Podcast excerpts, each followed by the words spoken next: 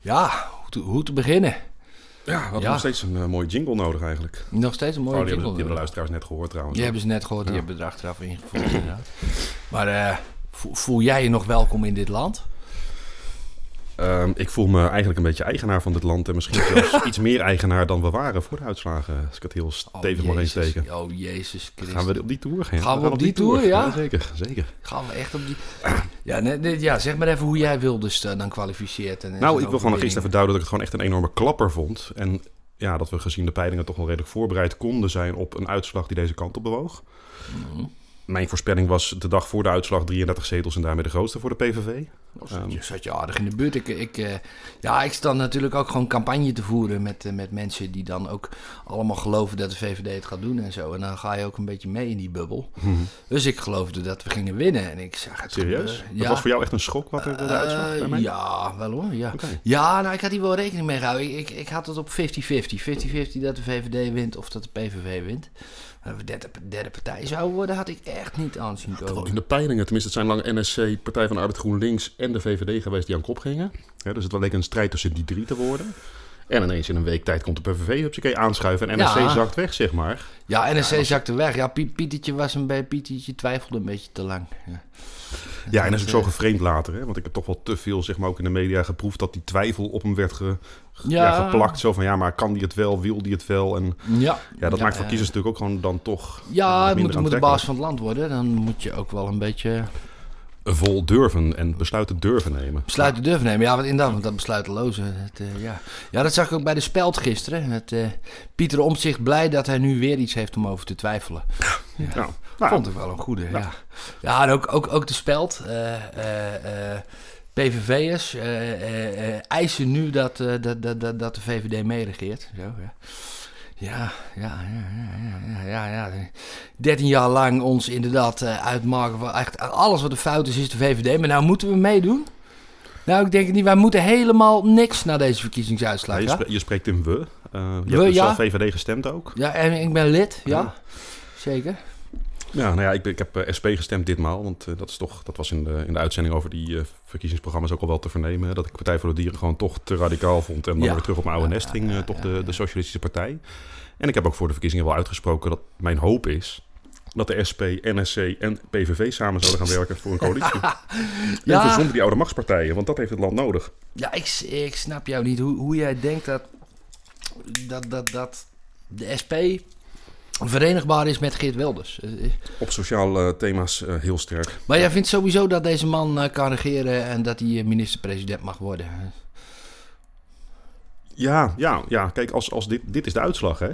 Ehm, dus we ja, op het moment dat deze partij gewoon De de kiezer heeft te- altijd gelijk en dat soort Nou, nee. Nee, Nee, want de kiezer, Nee, we zo, dat even de, kiezer nee. is zo wispelturig dat ik niet kan zeggen dat hij gelijk heeft. Maar de uitslag is wel de uitslag. En daar moeten we het wel mee doen, gewoon de komende periode tot de volgende verkiezingen. Ja, daar moeten we wel mee doen, maar het zijn allemaal kleine partijen gebleven. Niemand is echt groot. En, en om nou te zeggen, het is de wil van het volk dat Geert Wilders nu moet gaan regeren. Het is de wil van, van 18, 19 procent van het volk. Ja, maar het is de wil wel van het volk dat de coalitiepartijen geen meerderheid meer hebben en wel heel Mhm. flink zijn afgestraft. En kijk, het probleem is een beetje dat we natuurlijk de laatste verkiezingen hadden we in coronatijd. Hè, wat gewoon een hele rare crisissituatie was, Mhm. waarbij ook gewoon de mensen toch massaal achter hun grote leider gingen staan. Ja. En niet omdat we nou heel erg geloofden in het verhaal Nee, van die hij partijen, die maar omdat we gewoon... persconferenties gaf. Ja. Nou ja, zij was vaak op tv, dus inderdaad, Ja, en- eh, en dat, dat dat deed hij is goed. toch een voordeeltje.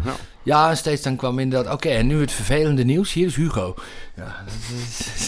Ja, ja, en daarna die, eh hoe heet ook alweer, die eh, nieuwe minister van Eh, Gezondheid? eh, Die D66er. eh, ja, die kale. Die Voldemort. Ja. Eh, weet je wel, eh, eh, Ernst Kuipers. Precies, die. Dat ja. is hem. Hebben we goed gegoogeld even tussendoor. eh. Nee, je nee, hoort niet dat ik knip niks word in deze uitzending. niks hè, want we- googelen, nee. Oh, dit is vanuit het hoofd. Dat is ja. gewoon uit het hoofd inderdaad, ja.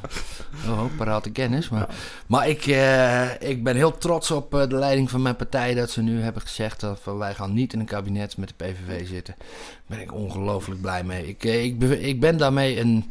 eh, ik, ik vertegenwoordig daarmee een minderheid binnen mijn partij.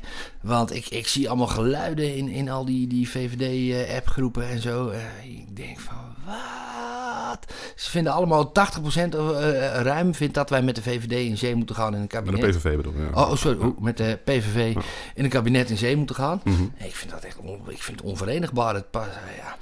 Van, ja, maar we hebben zoveel gemeen. We hebben toch het kabinet laten klappen op, eh, op immigratie, inderdaad. En dan, dat kunnen we nu met Geert regelen. Ja, eh, dat was een grote verkeerde inschatting dat het kabinet daarop hebben Nou, ik, laten kijk, ik klappen. snap dat het voor de VVD heel erg lastig is. Want je hebt hier een partij die gewoon eigenlijk nog nooit echt verantwoordelijkheid heeft genomen. Een keer in een soort van gedoogconstructie gezeten. En dan Ja. vrij snel toch besloten dat het niet, eh, niet optimaal was. Dus dan moet je nu als VVD in één keer gewoon samen gaan werken met een partij die misschien zijn beloftes nog waar gaat maken ook. Ja, dat is schrikken. Ja, De- heb, je dat, heb je dat verkiezingsprogramma van ze wel eens gelezen? nee, want wij hebben verzaakt om daar een uitzending over Ja, op te nemen. Dus ik heb eh, ook niet de moeite genomen om partijen waar ik toch niet op ga Ja, stemmen. excuus daarvoor, eh, lieve luisteraars. Dat hadden we inderdaad moeten doen. Dus, ja, ja, ja. Ik grap al, hè. Wij, hebben, wij, hebben, wij hebben voorkomen zeg maar, dat het volk konden behoeden voor, nou ja, voor deze Ja, keuze. voor Ja. deze misstap, inderdaad. Want heb je dat programma wel eens gelezen, man? Er er staat echt alleen maar bullshit in. Het kan allemaal niet. eh. En het is ook sowieso... We hebben nou de afgelopen twee weken Geert, Geert Milders gezien. Mhm. Maar Ja, dat was een mooi frame, hè? ja, was een mooi frame Ja. inderdaad. Ja, dankjewel parlementaire pers. Maar, maar eh, je, je Bij kunt... het laatste verkiezingsdebat had ik niet het idee dat het een hele andere Wilders was, hoor. Want hij was gewoon Nee, was hij gewoon net zo stevig qua uitspraken. En ook niet met, een, je- met, een, met een vriendelijk hoofd van... van eh, Je hè, kunt, eh, je kunt twee weken lang iedere dag een avondvullende uitzending maken met shit die Geert Wilders gezegd of getwitterd heeft die echt niet kan. Ja. Dat, ja, Maar ja, dat betekent niet dat toch een heel groot deel van het volk toch zijn op een. Poetin-bastaard heeft gestemd, inderdaad. Nou, ja.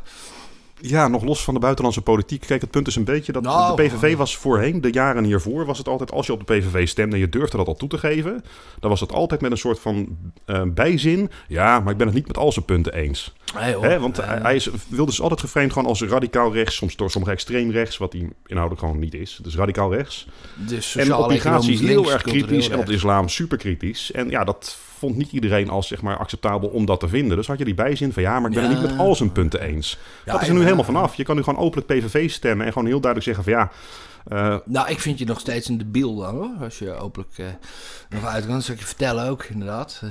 Ja, Ja. er is iedereen die een beetje opgelet heeft de afgelopen twintig jaar, die weet dat Geert Wilders een, een gestoorde radicaal is. Eh, een een, een, een Poetin-liefhebber. Eh, iemand die, ja. Zijn medaille zeg maar, eh, van Rusland persoonlijk op is komen halen en in het parlement heeft gesproken in Rusland. In 2017 of 18 was het. Dat is dus na de annexatie van de Krim nog, hè? Ja Stond- na MH17. En na Ja. MH17 stond hij daar een beetje gezellig zoete broodje te bakken met Poetin. Mhm. Ja, dan, dan ben je van mij af. Eh, daar kunnen we in internationaal... Zijlstra zat er ook in een uh, Dacia, weet je dat? Dacia? Dacia? Wat was het woord ook alweer? Een Dacia. Ja. Ja. Nou, dat was Ja. niet waar, maar die was ook gewoon lekker op bezoek en heeft eh, daar trots over verteld, Ja. over zijn eigen verzinselen. Kijk, Geert Wilders is in ieder geval consequent in zijn standpunten. En dat is ook wat natuurlijk voor het volk 17 Oh, jaar ja, na zijn... Ja, vind jij, waar vind jij hem zwaar Eh, inconsequent aan? nou, het feit dat hij al zijn standpunten nu aan de straat heeft gezet, want hij scheert Milders nu. Eh, Ja, maar dat is een beetje hetzelfde als het land geregeerd is. Dat is een beetje de kaasschaaf over wat we in het pa- partijprogramma hebben staan. En bij sommige punten hebben we dan net gewoon een... de eh, Kaasschap, hij heeft zijn halve partijprogramma afgeschaft. En, en, het is ook, en dat is ook het probleem, het feit dat hij dat kan doen. Hij is alleen, hè? Hij is de partij. Ik bedoel, als je op zo'n manier met je eigen verkiezingsprogramma omgaat, dan ben je in alle andere partijen ben je weg. Dan heb je een. eh, Ja, nou, als je als leider van de. VVD zeg maar, zo met zeg maar, de verkiezingsuitslag omgaat... terwijl 80% van jouw kiezers aangeeft dat ze wel willen regeren met... Hè, dan zou je ook weg moeten zijn. Want er is weinig de democratisch aan het besluit wat daar genomen is. Hè, 20% is het dan misschien met Dylan eens. En de rest dus Nou, allemaal niet. Hoe eh, democratisch is de partij dan? Jo, nou, eh, wij, zijn een, wij, wij zijn een partij, wij geven mandaten af. Wij hebben die kieslijst bepaald. En dan moeten zij het inderdaad, dan moet deze fractie, die moet hun standpunt bepalen. Mhm. En als dat dat is, dan is dat dat. En dan vinden heel veel leden dat niet leuk. Maar ik, ik ben een beetje klaar met... eh, Maar wat is er democratisch aan dan? Als een meerderheid van de leden die gestemd hebben op de VVD... toch wat anders vinden dan wat nu in de partijtop wordt Eh, nee, besloten maar die, over de die, die meerderheid van die leden die heeft deze lijst goedgekeurd. En deze mensen het mandaat gegeven om dit besluit te nemen. Eh, en dat is voor mij genoeg. Eh, wij, wij zijn geen partij van de directe democratie. Wij Maar dat is een beetje hetzelfde als eh, de, de VVD vorige keer tijdens corona dus. Die zijn gekozen. Die hadden ook een verkiezingsprogramma toen. Maar als je het regeerakkoord ernaast legt... dan is er heel duidelijk weinig zeg maar, van het VVD-regeerakkoord... wat überhaupt in het Ja, coalitieakkoord terecht is gekomen. weinig, Beter nog, het ja. coalitieakkoord bevatte allemaal dingen... die in geen enkel verkiezingsprogramma stonden. Ja. Waar, waar komt dat ineens vandaan? Ja. Is dat democratie? Ja, nee, maar je hebt ze zelf gekozen... dus dan moet je er ook maar akkoord mee gaan wat ze daarna Ja. besluiten. Nee, je bent gewoon voor de gek gehouden. Je bent in de maling genomen. Nou, en daar is het volk klaar mee. een beetje voor de gek gehouden. Weg inderdaad. ermee. Maar nu, nu laten we ons nog harder door de gek houden, voor de gek houden door Wilders. Ja. Nou, dat geloof ik dus niet. Ik denk echt dat er nu een window of opportunities is, ja, een raamwerk van mogelijkheden of in Nederlands, waarbij ineens op bepaalde thema's die heel veel pijn deden, nu grote besluiten kunnen worden genomen. Zoals? Ehm, het afschaffen van het eigen risico. In de zorg, maar ook gewoon heel duidelijk toch beperking op de migratie. Want wij zijn gewoon zelf massaal mensen hier naartoe aan het halen. Mensen komen niet in, dat, dat heeft Wilders ook gezegd, mensen komen niet in bootjes hier aan de kust omdat ze, ja, ik heb bij zuchten, maar het is wel waar, dit land loopt over en er zijn geen huizen. En vooral het grote probleem... Het land loopt helemaal niet over.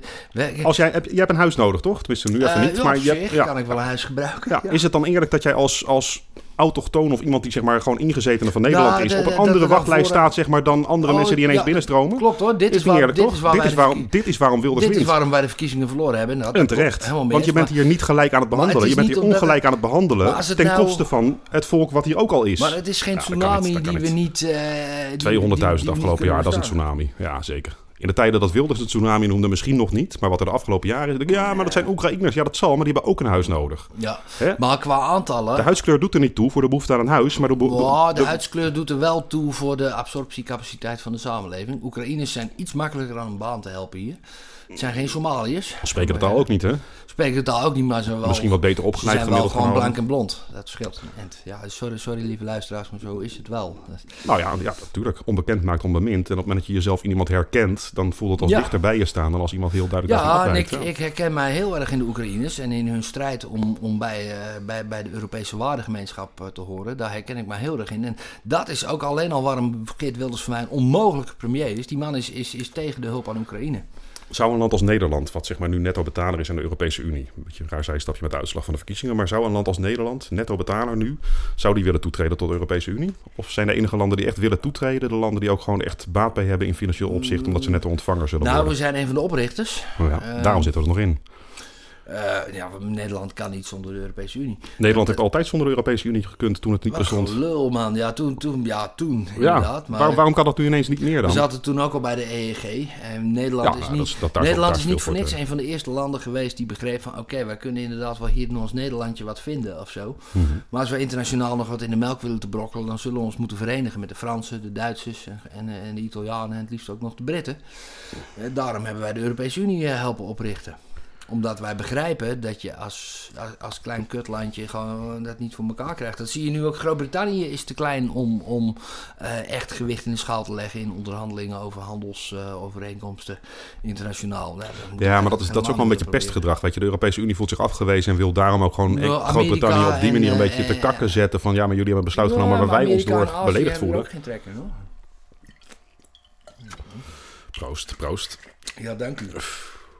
Ja, ik zit aan de Sambuca, lieve luisteraars. Ja, het is eh, duidelijk wat voor een klap deze uitslag is geweest voor de VVD Ja. naast me. Want eh, er moet even wat weggedronken Ja, worden. nee, ja, ik moet ook eerlijk zeggen, want ik had die klapper dus verwacht. Hè, dus ik had voor de avond zelf een grols kanon eh, geregeld. ik dacht van ja, maar als dit zo'n zo'n klapper wordt, dan moet er ook gewoon even een, een kanonskogel in. Mm. Dus ja, om negen uur strak toen die exit poll kwam, toen was voor mij al wel duidelijk van ja, dit, dit, dit- die verhoudingen zijn, zijn helder. dit wordt niet spannend meer, zeg maar. Eh, Nou, en het bleek de dag daarna zelfs nog twee zetels extremer te kunnen. Ja, Ja. dat was... eh, Ja, ja, je hebt mij Eh, meegemaakt in, in, de, verwacht. in de WhatsApp-chat. eh, mhm. eh, heel veel, eh, ja, caps lock, inderdaad. Ik, kom, ik, ik had het echt niet verwacht. Ja, ik, en ik, ik werd... Ja, kijk, de uitslag zelf... Ja, het is niet de partij waar ik op gestemd heb. Ik heb net al een beetje aangegeven dat er met de partij waar ik op stemde, de SP, best wel wat inhoudelijke overeenkomsten te vinden zijn. Dus dat er echt wel samenwerking mogelijk is. En dat is voor mij het ook... Ja, toch bijna een soort van juichmoment Dus jij was. bent een van, oké, we hebben nationaal de- socialist, ja. Nou, ik, ik, zou, ik zou daar niet heel veel op af willen dingen zelfs. Nee. En het, kijk, het nationaal socialisme is heel erg vies geworden door hoe het... Ja, nee, ja, je lacht, maar ik denk dat ik een hele goede duiding heb. Want ik, ik, heb, daar, ik heb daar eerder met anderen ook al wel discussie over gehad. Ook mensen die wat internationaal socialistischer denken. Maar kijk, het probleem is een beetje dat jij niet in staat bent om sociale voorzieningen op te bouwen. Waarbij mensen ook een uitkering Oh, ja. ontvangen. Zonder dat je ergens zeg maar, het een club goed maakt. En dus De ook de mensen die kunnen nazistaat is toetreden. het juiste niveau om sociale zekerheid op te Precies. Dus eigenlijk kan je niet op een ander niveau socialistisch zijn dan nationaal. Als je, het, als je echt gewoon uitkeringen waar mensen gewoon van overleven wil gaan produceren. Want die moeten bekostigd worden. En dat is fucking duur. solidariteit Ja, en dat Ja. lukt niet als je alleen maar mensen laat. Kijk, mensen die moeten. Het is een beetje hetzelfde als wat ik net vroeg bij, bij als, als Europa nu zou bestaan. En Nederland zou nu willen toetreden, terwijl we dan na toetreding netto betaler worden.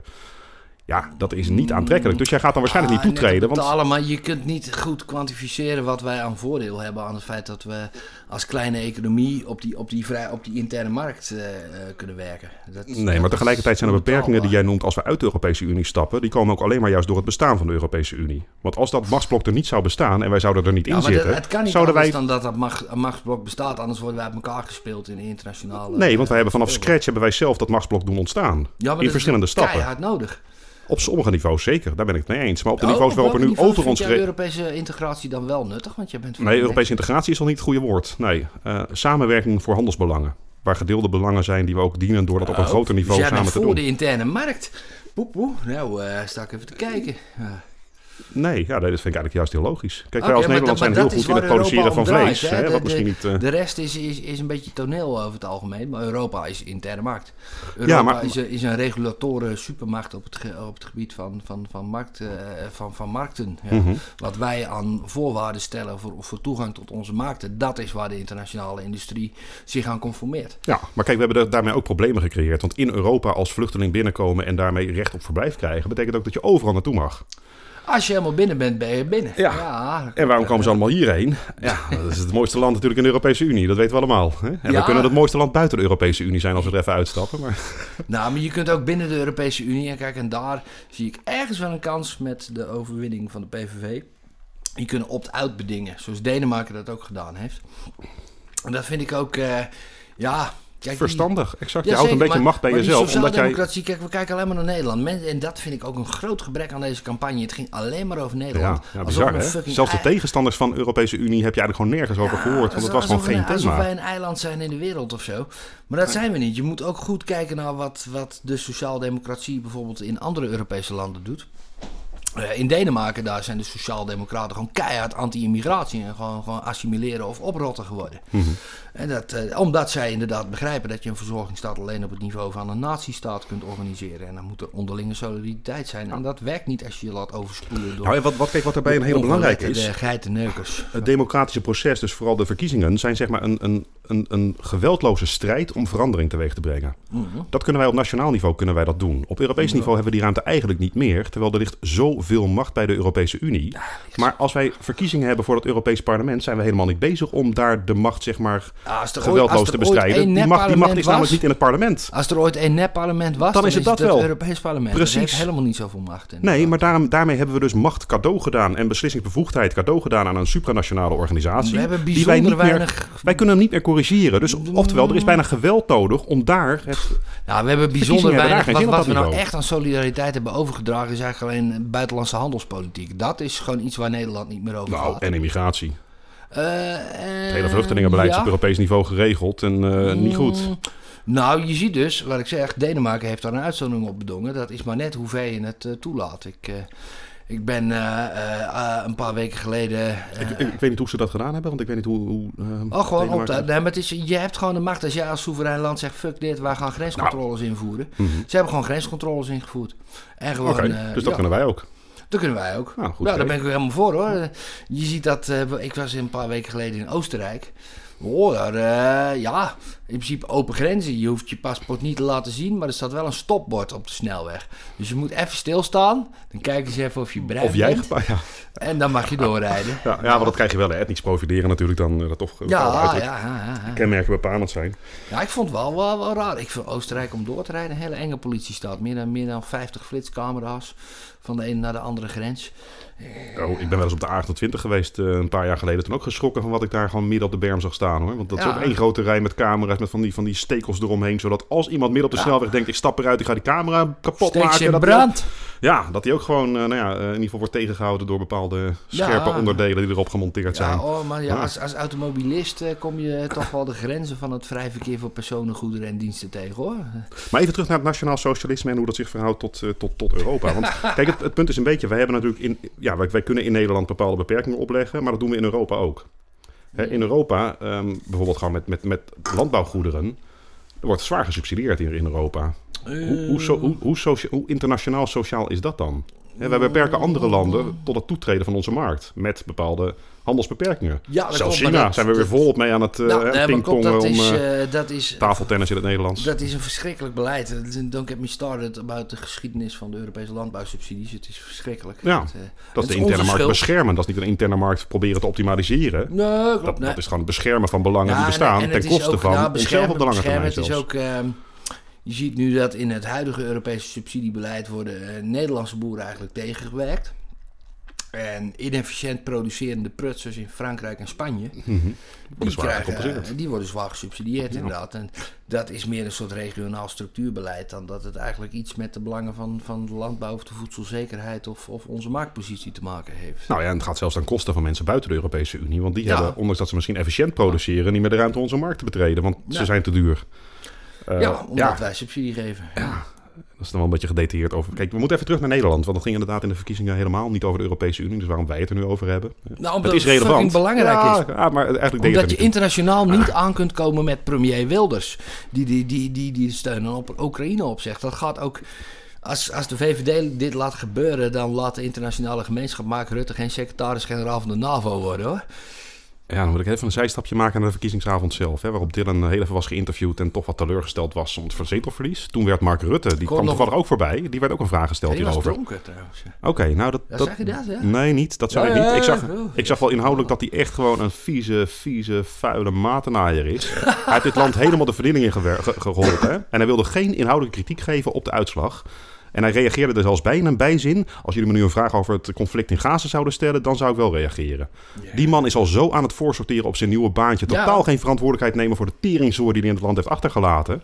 Ja, hij heeft wel een goede puinzooi achtergelaten. Dat Als hij dat bij de NAVO ook wil doen, heel mooi, kunnen we daar vanaf. En daarna mag hij in de Europese Unie een mooi baantje gaan zoeken. En dan kan hij de Europese Unie van binnen uitslopen. Nou, dan hebben we tenminste nog wat in die man gehad, weet je. Dus alsjeblieft, ga inderdaad die grote internationale organisatie maar kapot maken. Ik Doe je tenminste dat iets hij het- goeds voor dit land. Ik denk dat hij het heel goed gaat doen als NAVO-baas. Want hij is in staat om de meest onmogelijke coalitie bij elkaar te houden. Dat is gebleken. Ja, als je zo'n narcist bent dat je echt alles bij elkaar kan liegen. En het maakt je allemaal niet uit. En je zegt Ja. A en je doet B. Want dat is allemaal toch Ja. allemaal toch geen actieve herinnering aan. Ja, dat, dat soort mensen zijn nergens van waarde. Ehm, maar helaas stinken er altijd wel mensen in. Ja, Ja, nou ja. ja, ja. Ja, maar ik, ja, ik, ik zit me nu ook een beetje te... Ja, het is ook wel gewoon grappig om te zien. Gewoon de strijd binnen de VVD. De- hebt denk ik een procent of twintig inderdaad. Die zijn gewoon mordicus tegen samenwerking met Wilders. Want die man is niet acceptabel. Eh, en je hebt 80% van... Ja, het is een, het is een vol- volks... Het is een volkspartij, helaas, ja. Ik, Nou, nee, de VVD is een volkspartij. ja, dat, vrijheid en ik. democratie. Nee, dit is helaas een volkspartij inderdaad. Met, met rechtse mensen en liberalen. Ja. Inderdaad. En die Maar liberalen een partij, zijn een partij de die voor vrijheid en democratie is. En een andere partij die voor vrijheid is. Waarom is daar geen samenwerking mogelijk? Wat is dat voor een partijpolitiek spelletje en belangen die helemaal niet voor dit land zijn? die mensen zijn daar Wilders is gekozen. helemaal niet voor vrijheid. Die VVD's, die, die VVD'ers zijn gekozen om ons te dienen. Ja, dus een beetje nederigheid, nederigheid mag wel. En op deze manier zeg maar een strategie uit Leiderschap, leiderschap tonen walgelijk. betekent ook dat je gewoon soms scheid hebt aan wat de meerderheid vindt. Dat Nou ja, leiderschap tonen bij de VVD Moet. is echt gewoon maar net hoe het uitkomt. De ene keer is juist wel verantwoordelijkheid pakken door mee te regeren in een coalitie die ook maar niemand had gewild. En de keer daarna is in één keer gewoon maar niet meedoen aan de zijkant. En dan een soort van gedoogconstructie beloven die ook inhoudelijk echt Nee, gewoon maar zo'n belachelijk zo'n is. gedoogconstructie, eh, nou, dat, Het dat, is geen gedoogconstructie. Dat Alles gaan we nog Dylan- even afwachten wat daaruit komt. Maar- Alles wat Dylan inhoudelijk toevoegde aan dat woord, was alleen maar dat doet de hele oppositie altijd al. Want die stemmen altijd mee met beleid wat ze wel eh, acceptabel vinden. Hè? Het is niet zo dat de oppositie altijd maar tegenstemt wat we zijn oppositie, Nee. bij wat er ook gebeurt. Dus dat Dylan dat presenteert of vreemd als zijnde een gedoogconstructie, totale bullshit. Het enige wat ze zei is wij zullen meestemmen in dingen waar we het mee eens zijn. Ja, de, dan ben je geen gedoogpartner. Ja, maar je moet wel een gedoog Je hebt, je hebt, gewoon, je hebben. hebt dat jezelf in een positie gena- ja, ge- ge- je hebt jezelf zo gepositioneerd dat je denkt dat je daarmee uiteindelijk meerwaarde hebt voor je eigen partijtje en niet voor het land. Dat is wat ze aan het doen is. Partijbelangen nastreven. En niet Ja, nou- en dat is walgelijk. En daarmee zou de VVD gewoon keihard Maar zal, zal ik eens wat heel engs eh, zeggen? Ik, ik denk dus dat... Tien zetels of minder. Nou, nee, nee, ik denk dat uiteindelijk uit gaat draaien op een coalitie eh, tussen de VVD, PvdA GroenLinks, NSC en BBB. Met, met premier Timmermans. Ja. Daar gaat het, Serieus? ja, daar gaat het op uitlopen. Oké. Er is niets in mij wat dat een, eh, een geloofwaardige constructie Nee, vindt. nee, dat vindt helemaal niemand inderdaad. Dat Nee. klopt, ja. En er is ook niemand in het land die dat wil, hè, deze combinatie. Want klopt, dit is gewoon weer maar- paars. Paars 3 krijg je dan. Klopt, maar het, maar het andere is onmogelijk. Nee, Eh, ja, maar Piet- Pieter gaat hier niet in mee. Want als er twee partijen zijn die juist die oude bestuurscu- bes- bestuurscultuur en de hele totale eh, vernieling van de sociale zekerheid tot een complex VVD, mangelsysteem, dat zijn die twee partijen, precies. ja. Dus als er twee partijen zeker niet mee moeten doen, dan zijn het die. En de VVD kan nog, dat heb ik eerder een keer gezegd, ook in een podcast, als stopverf. De VVD, de VVD heeft sowieso geen ruggengraat. Als je die kan verkopen dat het echt hun standpunten zijn. Maar de zijn VVD toont nu ruggengraat. Eindelijk eens een keer. Ik ben er heel blij mee. Een hele simpele, doorzichtige strategie die echt door niemand gewaardeerd wordt. Dat is wat het is. En daarmee zullen ze bij de volgende keer nog harder worden afgestraft. En dat, zijn, dat verdienen ze ook. Want nou, deze partij... We gaan, we gaan het, de, de, de PVV krijgt nu dus, oké, doen jullie het maar. Wij, wij kijken wel of we het steunen. Dat is hoe, hoe ja, maar zoals ik net al zei, dat is niet in het landsbelang. Ja, maar de PVV, eigen belang. Nee, het is, ja, nou, dat is juist in het landsbelang. Laat de PVV het maar verneuken en kapot gaan. En dan gaan wij daarna weer opbouwen en het land weer, uh, weer echt... En de migratie weer optimaliseren naar 100.000 per jaar. Dat is wat de VVD dan beoogt. Uh. Nee, misschien dat inderdaad een aantal... Een grote bek, maar op dat thema is er nu ruimte en gewoon die doorbroken mogen worden. Het is nou, we hebben ons niet teruggetrokken. Uh, dat, dat is juist nee, deel hoe, geloofwaardig, hoe geloofwaardig is überhaupt wat Dylan nu als strategie uitrolt. Hè? Het is allemaal zo, zo vuil en zo vies. Het is strategie. En ook dat je dat even bij de pers komt melden. En daarna zitten al die fractievoorzitters ja, zitten ergens in een zaaltje. en die, gezegd? Ja, ja, ik zeg het inderdaad. Dat was dat, zo, maar zo iemand wil je toch überhaupt niet in de coalitie hebben? Ja, ja, nee, ja, ik vond het toch geen vertrouwen? gewoon helemaal niet. bijzonder, want ik vind dat ze dat eerst hadden moeten melden. Ja, inderdaad. dat doe je gewoon netjes onderling. Want jullie moeten voor ons zometeen de tand gaan proberen te besturen. En dat, dat spel wordt door de VVD juist helemaal niet gespeeld. En het is zo doorzichtig. En dat ze daar, ja, nou ja, ik heb het al drie keer gezegd. Daar zal echt wel op afgerekend worden uiteindelijk. Als de verkiezingen snel genoeg gebeuren. En nou, we laten eerst Geert Wilders zichzelf kapot maken. Mm -hmm. En dat kan, want die moet naar een banaanrecht gaan lullen. Dat hij er echt voor alle Nederlanders is. Ja, Tuurlijk, vriend. Ja, maar ja, kijk, dat was Rutte ook gewoon gevoelsmatig niet. Hè? Want ik, voor mij voelt Wilders als meer een premier van de Nederlanders. Maar ook echt alleen maar van de Nederlanders. en vooral blank en oud-christelijk en Joodse achtergrond. Maar Rutte heeft dat gevoel bij mij ook helemaal nooit gehad dat het een premier van mij was hoor. Echt helemaal ook niet. Ook niet tijdens de coronapersconferentie? Nou ja, nee, ja, als het ergens helemaal niet. Ja, je bent wel ik weet het. Maar... Ja. Nee, ja, ik, kijk, de coalitie wordt een hele lastige. Maar ik denk, en dat hoop ik ook een beetje. Pieter Omtzigt heeft heel duidelijk gezegd: ik wil wel voor een minderheidskabinet gaan. Ook omdat dan de controle vanuit de Kamer gewoon weer relevant wordt. Wij kunnen niet alles dichttimmeren en wij moeten coalities uh, smeden door uiteindelijk in de Kamer stemmen nou, te verkrijgen. Ik vind dat, dat aansturen op een minderheidscoalitie, dat vind ik een bijzonder interessant experiment. Dat moeten we ook echt een kans geven. Het is bijna bizar dat we dat niet al jaren hebben gedaan. Want dat klinkt inderdaad nee, als daarmee de eh, democratische controle veel meer tot zijn recht komt dan het nu gedaan is. Ja, zeker, maar dat, is ook, dat zijn ook de coalitiepartijen zelf geweest. Die hebben alles dichtgetimmerd. En ook gewoon hun Kamerleden geen enkele ruimte gegeven om tegen te stemmen. want je staat volgende keer niet meer op de lijst. Dat staat mij ook erg tegen aan de Nederlandse politiek al jaren. Dat je gewoon eigenlijk die, die, die weet ik, 38 zetels van de VVD. Dat is 37 zetels gewoon vulling inderdaad. Ja. Gewoon stemwee. Ja. Ja, maar dat is zelfs inhoudelijk. Hè. Die worden ook gewoon geworven als zijnde. Je bent uh, uh, ja, persoonlijk assistent geweest en dan mag je daarna... Ja. Ja, ja. En ja, bij de CDA hebben ze dan de fout gemaakt dat ze mensen met een mening naar binnen hebben gehaald, waaronder Pieter Omtzigt. en dan krijg je in één keer dat in de coalitieonderhandelingen zelfs over een Kamerlid een bepaalde mening wordt, of wordt gesteld van ja, maar die moet een functie elders gaan krijgen. Ja, functie elders, ja, hoe ondemocratisch wil je het hebben? Daar, gaat, daar gaan coalitiepartners of het kabinet helemaal niet over. Nee, daarom de Kamer is door ons gekozen en die zit daar voor ons. Maar dat, dat vind ik ook rete interessant inderdaad. Wat vond je trouwens van de BBB die, die, die met zeven tractoren nou naar, uh, naar Den Haag kwamen rijden? Ja, weinig vernieuwend, maar het waren er wel meer dan de eerste keer. Want toen was er één tractor volgens mij met uh, Caroline van ja, der Pas. maar ik vond Mona Keizer hierin volstrekt ongeloofwaardig. Ik bedoel, kom dan gewoon met een viskraam of zo. Ja, ja, ja. Dat past daar niet in trekken. Maar, Zaten, zaten, ook alle nieuwe uh, Kamerleden daarin dan? Ja, in die losse ja, Oké, dat, dat, heb ik gemist. Ik heb alleen die oplegger gezien waar ze op zaten. Ja, dat is een beetje sneu. Kom dan gewoon, we komen met de trekker van Volendam. Dat is toch veel, een veel mooier ja, verhaal. Of vanuit Deventer gewoon echt over de snelweg. Ja, en dan, uh, ja, ja, een beetje blokkeerboeren. Kom op, die, die sfeer nee, ja, bevalt me wel. Ja, ik ben blokkeerboer of niet, ja. inderdaad. Ja, eens. Ja. Nee, de BBB gaat eigenlijk ongetwijfeld mee moeten doen vanwege de verhouding in de Eerste Kamer. Al is ook dat, dat eh, inderdaad, al moeten we daar ook gewoon echt vanaf eigenlijk. Hè? Want juist zeg maar dat, dat wij als bevolking... Jij moet echt PVV stemmen volgende keer, hoor ik. Ja. Nou, we moeten niet van de Eerste Kamer af, dat bedoel ik niet. Wij moeten oh, af van het zoeken naar meerderheden in beide kamers. Want juist dat is precies wat uiteindelijk gewoon slecht beleid... toch in één keer hupsakee tot wet doet maken. De echte inhoudelijke controle vindt vanwege partijpolitieke belangen niet meer plaats. Terwijl de Eerste Kamer is juist daarvoor bedoeld. Om wetgeving niet op de politieke kleur te beoordelen, maar op de uitvoerbaarheid en, en de doelmatigheid van het beleid. Ja, en dat, is het nooit, dat had het nooit moeten zijn. Nee, nee, en door te kijken juist naar meerderheden in de Eerste Kamer bij de coalitievorming, ben je dat steeds weer aan het doen. En creëer je dus voor jezelf een soort van glijbaan. Eigenlijk zou die meerderheid niet moeten uitmaken en zou de Eerste Kamer gewoon puur... Op de inhoud, prudentie moeten beoordelen of dit beleid, ongeacht of het politieke idee bij jou hoort, of het uitvoerbaar is en doelmatig. En daarmee überhaupt dus mensen niet in de, nee, zoals, zoals de toeslagenaffaire. Nou ja, we hebben dat zelf georganiseerd door de overheid. Zoveel, mar of ja, uh, hoe noem je dat? Toch relevante keuzes van de mensen te beïnvloeden door subsidies te geven. Mhm. En daarmee die mensen ook klem te zetten als er eventjes in één keer door de overheid wordt geconstateerd dat je iets niet helemaal volgens de regeltjes hebt gedaan. Ah. Want dan word je als individu gewoon in de ma- mangel genomen. En dat, dat hebben we zelf Ja. bewerkstelligd door overal zoveel subsidies te organiseren op allemaal... Ja, nou, dat is ook nog zo'n puntje inderdaad. Daar moeten we vanaf. Maar de Ja. VVD heeft dat allemaal netjes lopen onderhouden. Die vonden het ook hele fijne beleidsknopjes. Die overal gewoon net ja. 0,1% koopkracht-effect. Hupsakee, dan doen we die toeslag omhoog, die toeslag omhoog, die toeslag omhoog. En dan heeft iedereen een 0,1 plusje. Toeslagen afstaf, afschaffen. Volledig. Basisinkomen invoeren. Ja, ja mede VVD'ers horen jullie mij. Ik weet dat jullie hiervan schrikken. Jullie schrikken wel vaker van dingen die ik zeg. ja, ja, nee, nee, ja ik, ik heb ook in de... Je bent, eigenlijk ben je helemaal geen VVD'er, maar je hebt het zelf nog niet door. Nee, ik ben een echte VVD'er, maar ik, eh, ik, ik eh, denk een paar stappen verder dan nu boos zijn dat we niet meedoen of zo. Ik, eh, Nou, ik, ik ben, daar- ik ben ik heb een lange termijnvisie en ik kijk internationaal. En, en dan kunnen we serieus beter met premier Timmermans aankomen dan met premier Wilders. Omdat anderen er wat van vinden.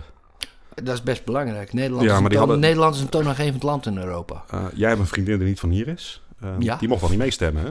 Die mag niet meestemmen. Nee, en al die andere mensen, regeringsleiders die hier iets van vinden, mochten ook niet meestemmen. Om een reden. Nee. Dit zijn onze verkiezingen, soeverein, ook een soeverein land, bla, bla, bla. waar wij zelf gaan bepalen hoe we dit land organiseren en wat we wel of niet aan dit herverdeling soevereine doen. land gaat zich ervoor inzetten om het vetorecht op buitenlands beleid in de Europese Unie af te schaffen. En dat is goed.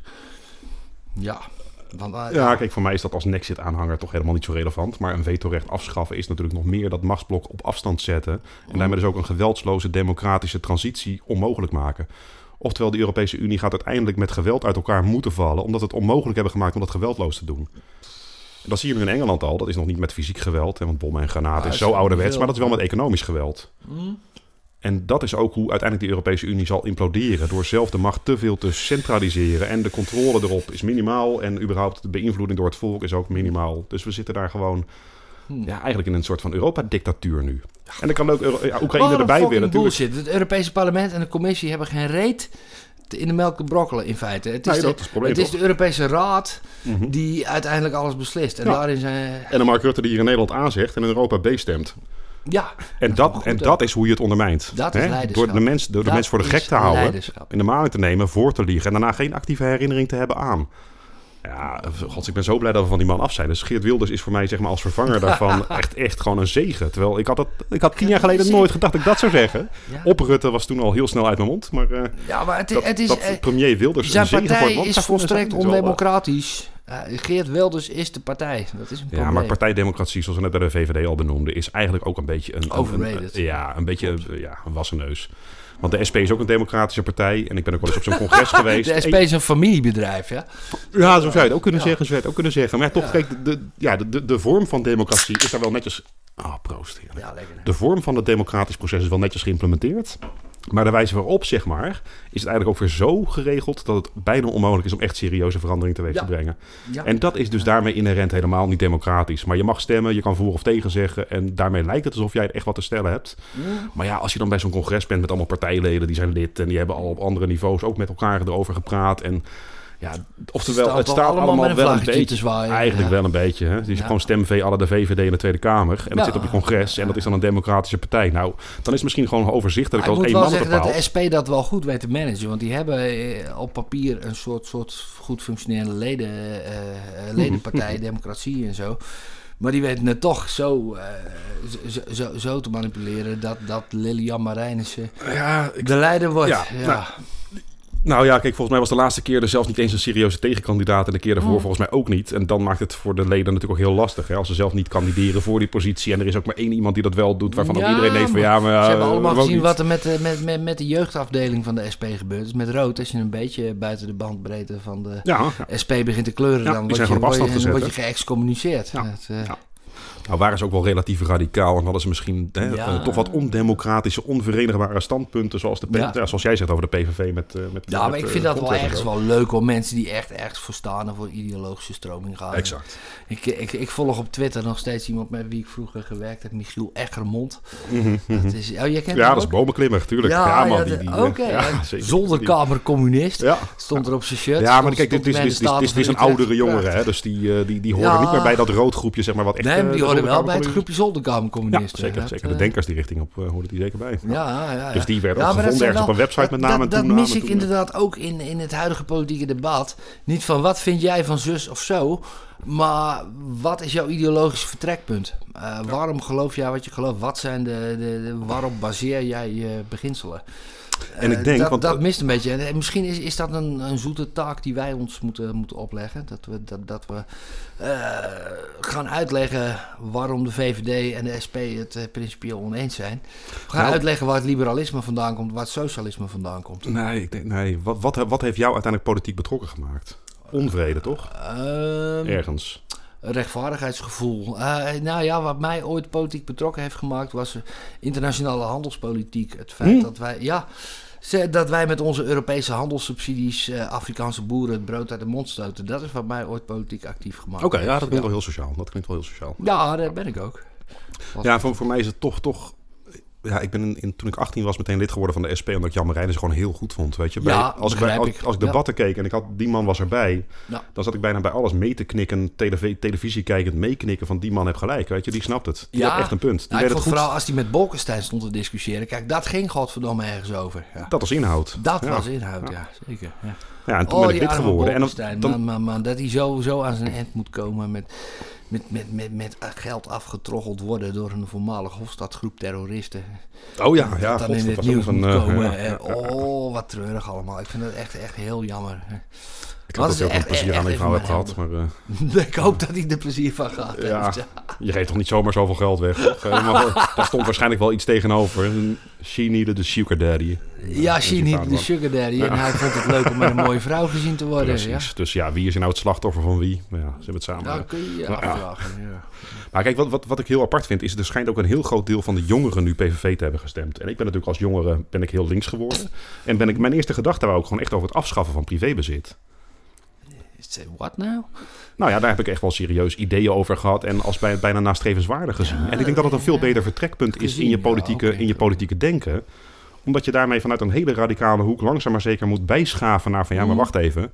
Ik merk ook dat dat en dat toch niet helemaal gaat Ja. uitwerken zoals ik had gehoopt. En Ik, eh, zo, zo heb ik mij inderdaad ook ooit wel eens een beetje laten verleiden door het libertarisme. Maar toen heb ik geleerd dat mensen leiding nodig hebben. Dat is paternalistisch. Jezus. Nou, nou, nee, dat is niet paternalistisch. Nee, nee, nee ja. We hebben de luxe in Nederland dat mensen inderdaad politiek afzijdig of debiel kunnen wezen.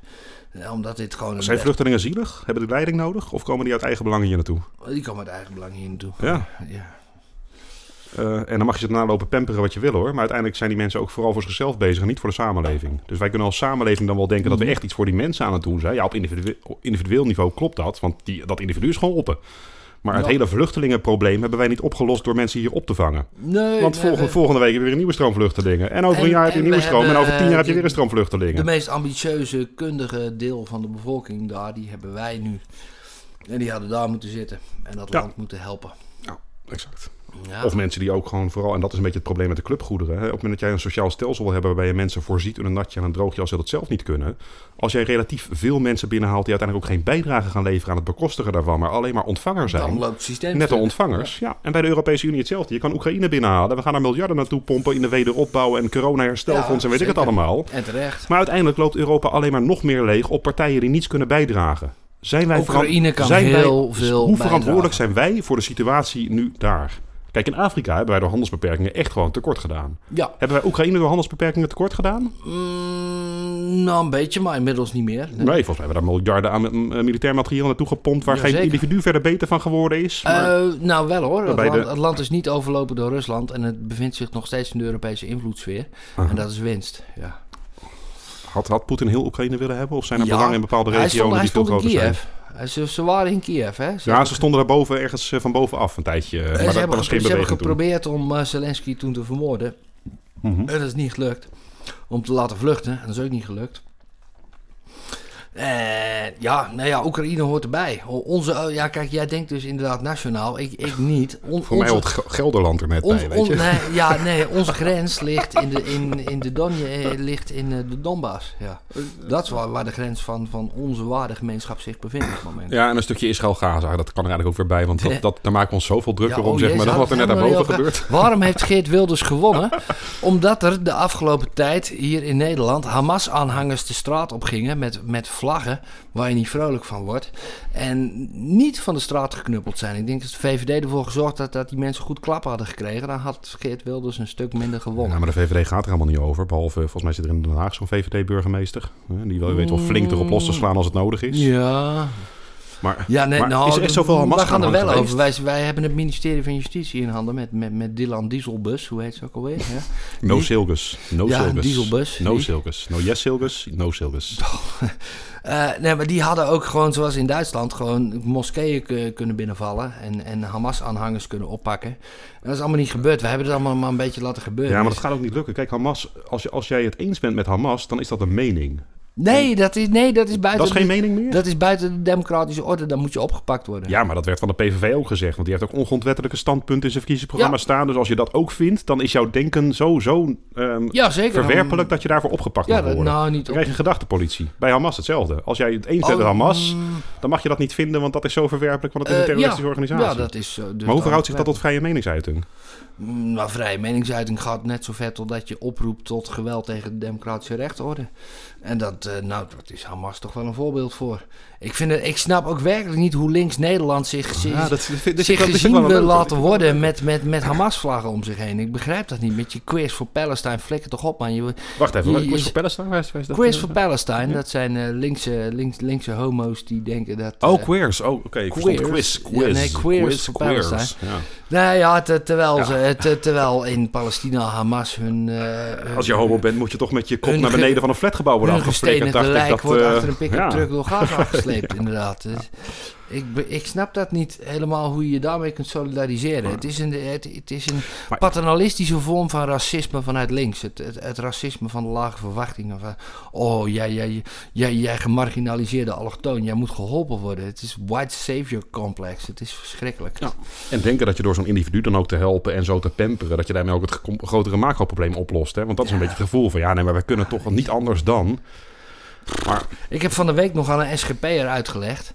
ehm, dat ik anti-religieus ben en dat ik wil dat zijn religie kapot gaat. En die, en die keek me zo aan van ja, oké, dat mag jij vinden. En, en, en ik keek hem zo aan van ja, jij mag vinden wat jij vindt, inderdaad. En dat gesprek is met de islam niet mogelijk. Het is, eh, het is een imperialistische, overheerszuchtige, ja, maar dat is het christendom. ideologie. Ja, maar kijk, het punt is wel een beetje. En dat is ook is getemd. hoe de islam zich heeft ontwikkeld natuurlijk. En ook de afkeer tegen het christendom. Omdat de christenen juist in die tijd dat de islam opkwam, kruistochten hielden. En wel zo hebben huisgehouden zeg maar, in die Ja. regio. Dat je ook kan voorstellen dat die, die sfeer van, van wat er toen speelde, eeuwen geleden, leeft nog steeds, maar dat leeft nog steeds mee in het gevoel. Ja, En dat is ook een beetje hoe ik... Kijk, ik, ik ben zelf christelijk opgevoed. Dus toen ik leerde dat de Joden Jezus hadden vermoord... was er voor mij ook een soort van vleug van antisemitisme ergens. Van ja, maar ja, zij hebben dus zeg maar onze grote leider die me aangeleerd is... hebben ze doodgemaakt. ja, dan, dan is de sympathie voor Joden toch meteen al iets minder als je dat wordt aangeleerd. culturele continuïteit zien we hier. Dat inderdaad de Eigenlijk seculiere, de seculiere Shark, dat hij na 2000 jaar gewoon nog steeds... Dat aanhaalt als de reden waarom ergens een gevoeletje ze Jezus is. vermoord Ja, hebben. ja, Ja. nou ja. En de moslims zullen vanuit dat, dat, die beleving van toen zeg maar dus ook hebben... Mhm. dat christenen slecht zijn. Omdat eh, wat we daar hebben bewerkstelligd was niet... Ja, dat was, dat was niet evangeliseren op een zachte manier, zeg maar. Hè? Dat was toch gewoon wel een beetje eh, eh, moorden en verkrachten en mensen nou ja, Klopt, niet, niet dat was- zachtjes dwingen om tot, tot een ander geloof te bekeren. maar het was ook Dus een ja. gevolg van sociaal-economische problemen in Europa. En, het feit dat... Oh, welvaart, want jij gaat natuurlijk niet zomaar die kant optrekken als Ja, jij dat niet kan bekostigen. wel, dus het is, eh, het is gewoon een be- bepaalde decadente arrogantie en Ja. welvaart die jij meeneemt we, we hadden jouw meer gewapende te... mensen dan we hier eh, kwijt konden, inderdaad. ja. Ik moet, ik moet. Ja, zo kunnen we even, We gaan even pauzeren, mensen. even pauzeren. Ja. Hoe lang zitten wij? Pauze. Yo, deel 2 na de pauze. We zijn terug. Ja, we zijn Ik heb er even een gros kanon bij gepakt voor... eh, Ik drink zo'n boeka. Om helemaal lekker naar huis te kunnen rollen. Ja, die nee, ja. doet nog pijn, hè? Ja, Dus, ik, moet, eh, ik moet met de grote gele pauperlimousine op pad zometeen. Het is verschrikkelijk. Ik haat het. Ik, ik wil niet met al die andere mensen in een wagon zitten. dus jij probeert vooraf alle actieve herinneringen al meteen weg Ik te werken. Dat er achteraf er ook helemaal niks meer... inderdaad te belemmeren, ja. Ja, nee, ja, ja, ja, lieve luisteraars, je moet weten, mijn auto is afgebrand. Ja, daar, daar wil ik eigenlijk aan het begin een beetje over beginnen. Maar ik denk dat is voor deze uitzending een beetje off-topic. Maar jij stond gewoon Ja. in de krant. Ik jij stond gewoon in de krant. in de ja, krant, man. inderdaad. Vertel. Inwoner duwt zijn brandende auto bij het huis weg en voorkomt erger. Ja, Ja, zo de rijbaan opgeduwd. Ja. Dat andere automobilisten ook denken, wat is, het- wat is deze Ja, man? die waren niet zoveel omhoog. Ben, je- die ben je op zoek zaak. naar kaag met je fakkel of eh, wat is... eh, Ja, nee, nou, het mijn, mijn auto ging als een fakkel en mijn huis bijna ook. ja, Dus ik was op, ja, gelukkig was hij op tijd weg, die auto. Maar eh, ja, ik parkeer hem en ik ga naar binnen. En ik zeg mijn vriendin gedag en een andere vriendin die op bezoek was ook. En eh, ik kijk naar buiten en ik zie vlammen. En deze vriendin, als zij op bezoek komt, dan vliegen er wel eens vaker dingen in de fik. oké. Ja, ja een wat pand wat bestemd was voor asielzoekers een paar jaar geleden bij mij in het dorp. Dus Dat, eh, ja, daar waren we En die denkt, ik zit nu bij een VVD en dan moet ik toch even mijn onvrede kenbaar maken Ja, met, eh, met zijn partijkeuzes. Ja, dat ze fantaseert over een hippie-dictatuur, las ik net. eh, Hoe heet die in de vriendin? Ja, Oh ja, nee, moeten we misschien niet met toenaam, Francis heet die, ja. Ja, Oh, oké. Zo'n linkse, Ja. zo'n linkse hippie. ja. ja dat is zo'n is smerige hippie. Zo'n onwelriekend, ongeschoren figuur inderdaad, ja. Oké, Dus ja, die- dat detail stond niet in de krant, dus dat heb ik niet kunnen lezen. Nee, dat stond niet in de krant inderdaad.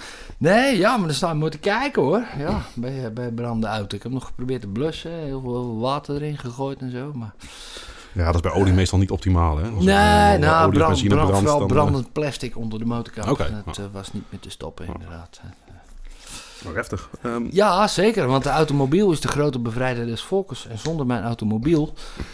hebben wij Geert Wilders groot laten worden, omdat wij daardoor niet konden opnemen om eh Ja, een ja. inhoudelijke analyse van de Ja, partijprogramma's door te wij nemen. inderdaad... Geert wil dus niet... Nee. Dus ja, zo zie je maar hoe dan de aanwezigheid van één vriendin uit de linkse hoek, zeg maar, hele Ja. grote macro-effecten kan hebben. Het is een soort van butterfly-effect. Het is eh, haar schuld. Ja, ja, eens. Ja. Ik wil nog heel even met je terug naar eh, Hamas en Israël, hoewel dat echt heel weinig met de verkiezingen te maken leek te hebben. Want jij doet net een beetje dat het aanhangen van... Oh, Eh gaslek mensen. Ja, ze. Nou, jij noemde net dat, eh, dat mensen die Hamas aanhangen hier in Nederland zeg maar eigenlijk wel opgepakt zouden mogen worden, want dat is verwerpelijk, die ideologie, en dat mag je dus ook niet vinden. Ja, oproepen tot Ehm. genocide is, is, is reden om opgepakt te worden. Wat mij betreft, ja. Ja, En from the river to the sea, Palestine will be free is een oproep tot genocide. Ja, maar jij benoemde dat net in het licht van een democratisch proces. En dat vind ik wel een hele moeilijke. Want de manier waarop Israël tot stand is gekomen... is nou niet direct een democratisch proces geweest... van de mensen die zich Nee. op het grondgebied bevonden. Hè? Nee. Dus Nee. ik... Ja, Ja, ik maar kan is- moeilijk ik- begrip hebben voor welke actie van beide partijen dan ook in de afgelopen Ja, weken. maar Israël Want, eh, is ook maar een ik, maar nare ik snap, ik snap het wel, van beide partijen. zeg maar. ja, maar het Israël is ook een nare koloniale staat.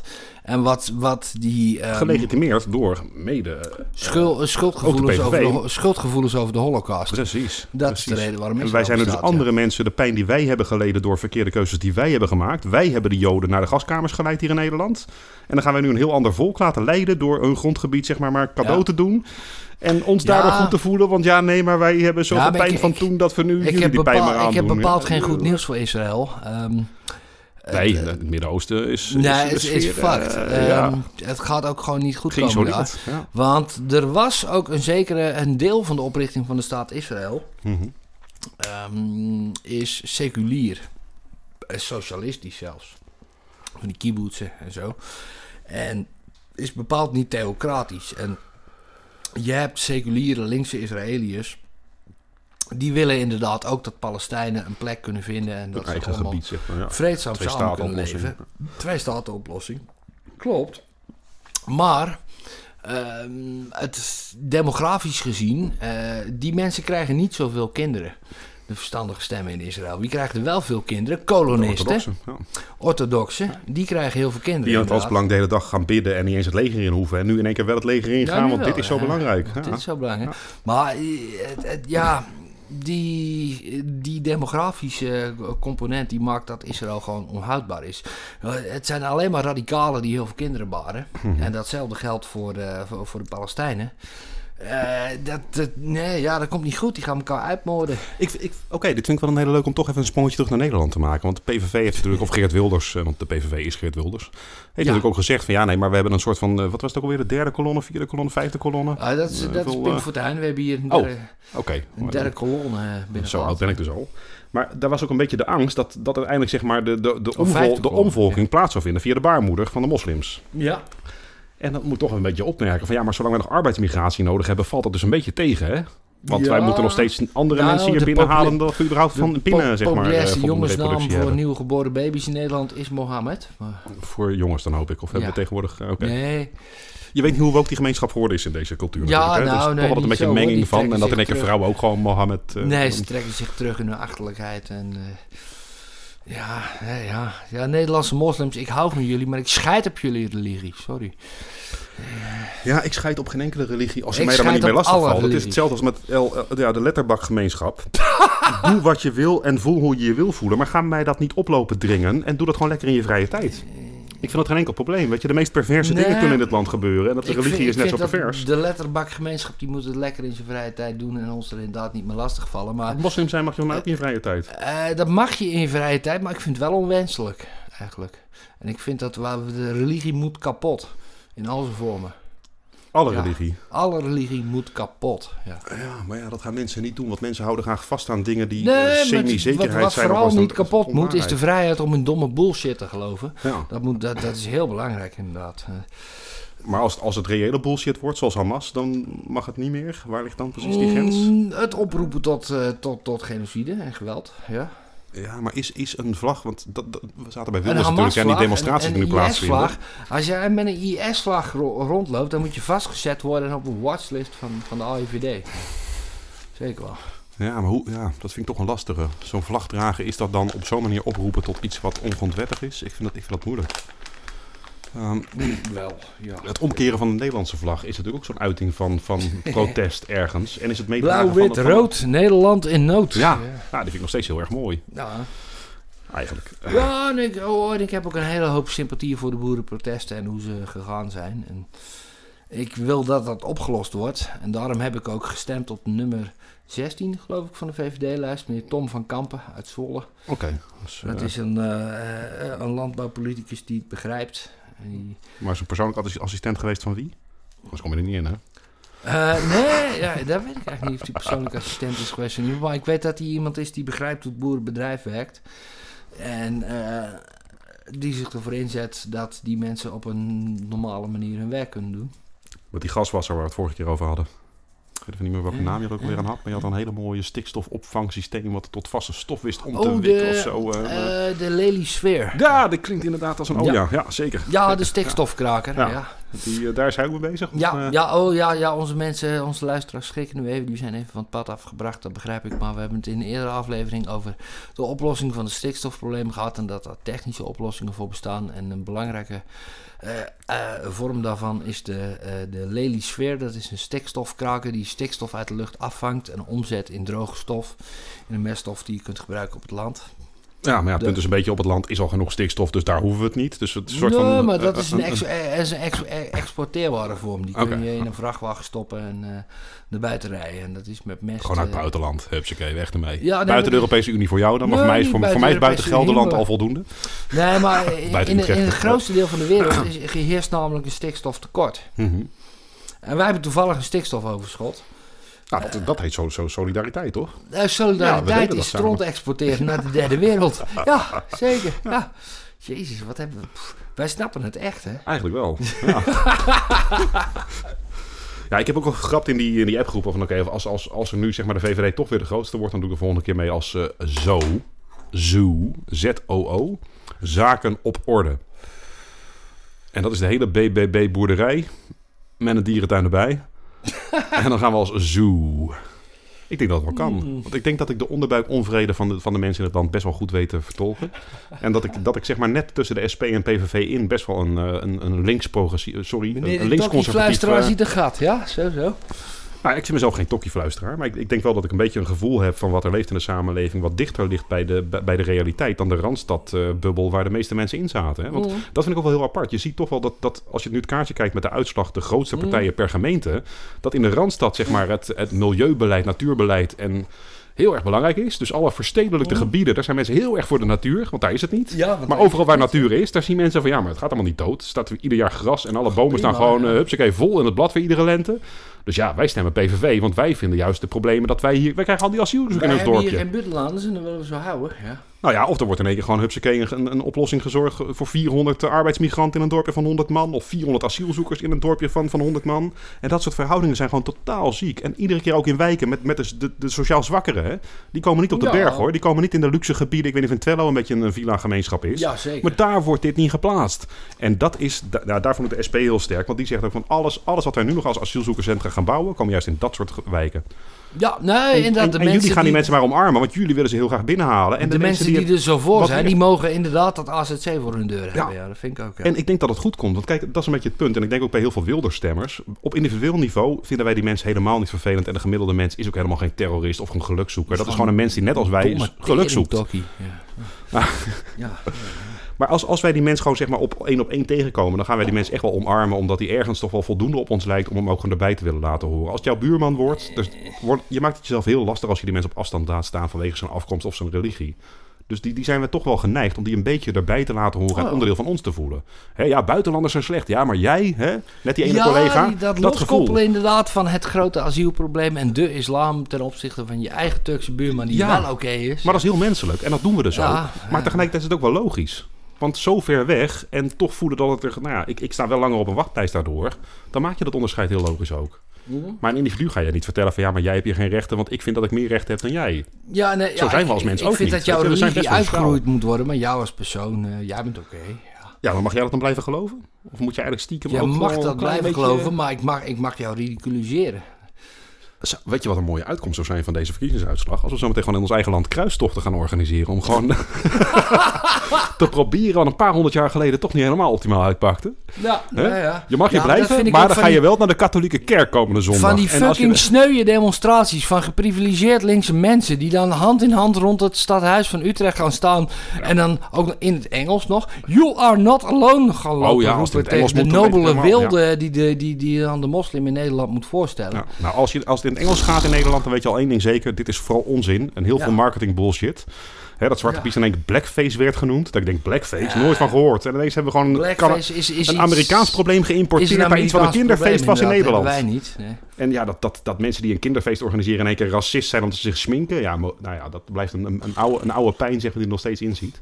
Hè, we Ja, zitten- we maar zitten- we Sinterklaas zitten is wel kapot gemaakt hoor. Ik bedoel, bij die demonstratie in Utrecht, er waren een gegeven moment ook wat later op de avond, waren daar Utrecht hooligans. Mhm. En die eh, gingen dan op heel agressieve toon Sinterklaas liedjes zingen van Sinterklaas, Sinterklaas, wie kent hem niet, Sinterklaas, Sinterklaas. En natuurlijk, Zwarte, Piet. Ja. Ja, nou als het zo moet, dan hoeft die hele Zwarte Piet voor mij ook niet meer hoor. Sorry, daar ben ik een beetje klaar mee. Ja, maar ja, het lastige is ook een beetje. Kijk, die, die liedjes hebben wij. Ik weet niet hoe jij vroeger Sinterklaas beleefd hebt als klein kind. Maar ik heb ook gewoon zo'n boekje gehad met gewoon een Zwarte Piet erin. En allemaal liedjes waar ook gewoon het woord Zwarte Piet nog in stond. Mhm. Al die liedjes waar Zwarte Piet in stond, kunnen niet meer.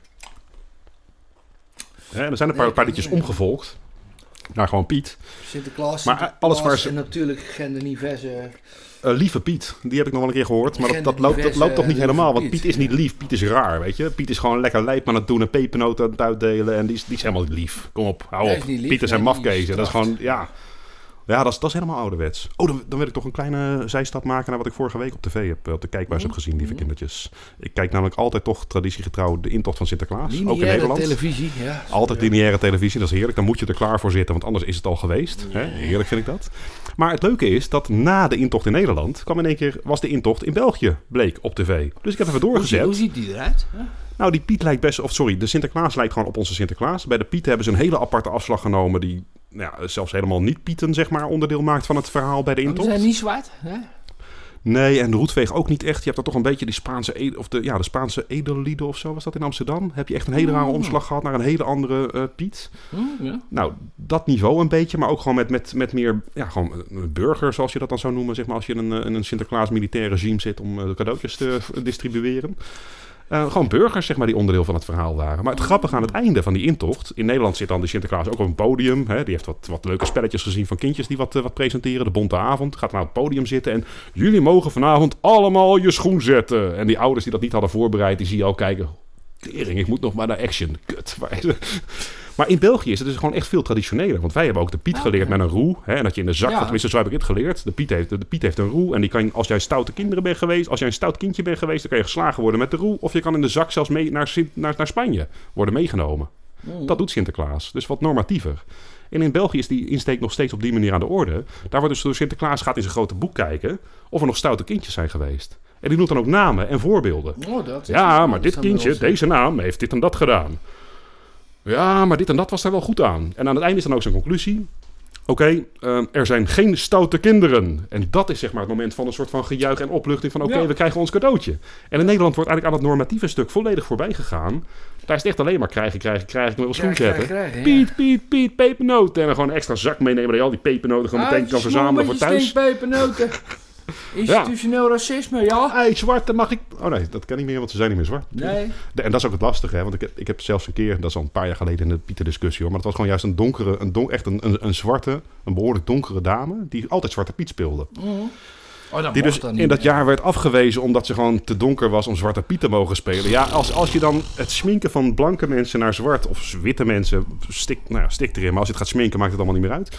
Als, als je dat racistisch vindt, dan is het toch nog racistischer als mensen die überhaupt donkere huidskleur hebben niet meer mee Ja. mogen doen, want die zijn te zwart Ja. om Zwarte Piet om, of om Piet te spelen. Ja. Ja, dat, ja, we zitten zo vast in een soort van kronkel van ja, deugen. Dat is het een beetje. En, en, en, en die wordt steeds lastiger. Dat je een democratische uitslag in één keer moet, moet gaan demonstreren tegen een uitslag die puur democratisch is, omdat deugt uitslag je niet. bevalt. Jij deugt niet. Ik deug. Nee. Je accepteert Wilders als premier. Oh, Ja, dat moet eerst maar eens worden, hè? Dat moeten we eens nog eens zien. Gaat niet gebeuren. Nee, mijn, mijn voorspelling is iets wat niemand wil. We gaan door het midden. VVD, PvdA-GL, NSC, BBB, minister-president Timmermans. Ja, maar daar kun je internationaal echt nog beter mee aankomen dan premier Wilders. Ja, ik voel nu bijna dat we hem af moeten sluiten, want dit kan natuurlijk ja, niet, hè? Ja, ja, nee, ja nee, dat, dat, dat vond de VVD-appgroep ook toen ik dit in dat eh, vijf minuten na de uitslag voorspelde. Ja. Maar dit is wel wat gaat gebeuren. Ja. Ja, ik vind het wel leuk om... eh, maar ja, daar moeten we een tijdje, eh, over een jaartje op terugkijken... of een half jaar Ja, bij een volgende podcast over is- maar, de, de, de hele- coalitievorming. Want dit gaat waarschijnlijk nog wel lang duren, weet je. Dus dat, dat, ja, zeker. ik, ik volg nu alles met, eh, met toch wel enig enthousiasme. Maar ja, ehm, als uiteindelijk de vermoeidheid gaat toeslaan in dat hele proces... en ook niemand meer oplet... dan kunnen deze partijen zomaar in één keer gewoon weer... eh, Ja, het oude. Europese ideaal van stal halen. Vies door het midden. Nee, maar een meerderheid heeft gestemd voor Europa als, of voor Nederland als onderdeel van de Europese interne markt. Voor Nederland als onderdeel van de NAVO. Voor een Nederland wat steun biedt aan Oekraïne en wat, wat, wat zich te weerstelt Nee, tegen dit waren, dit waren allemaal Poetin. geen thema's. Dus mensen hebben daar niet voor gestemd. Mensen hebben vooral tegen, tegengestemd Ja, maar wat was. Het is, het hier helaas niet over gegaan, inderdaad. Dat is best een probleem. Nou. Ja. Maar, goed, Maar ja had, ja, had Wilders met een Nexit heel veel meer stemmen opgehaald? Ik denk het ook niet, omdat mensen er Nee, wel heel bang voor zijn gemaakt. Dus hij heeft het eigenlijk Het gewoon heel goed gedaan. Geert Milders heeft de verkiezingen gewonnen, niet Ja. Geert Wilders. Nee. Nee. Want je hoeft er nu zelf niet meer de bijzin te plaatsen dat je het niet overal mee eens bent als want, PVV oh, stemt. hij Je kan heeft gewoon vol overtuiging varen. PVV stemmen. Ja. Ja. Ja, zullen we dan eh, ja, laat maar even. Ja. ergens nadat de eh, Ja, onderhandelingen een paar stappen verder zijn uitkristalliseren? desinformatie inderdaad. Kijk, want de VVD heeft een strategie gekozen. Ja, als de genocide in Gaza voltooid is en uiteindelijk Oekraïne voor de helft gewoon toch is overgedragen naar alle sanctiepakket, omdat we er toch niet verder uitkomen, dan praten we verder. Dan, dan praten we verder. Ja, Hele. Dag Ja. lieve luisteraars. Dag lieve luisteraars. Doei doei.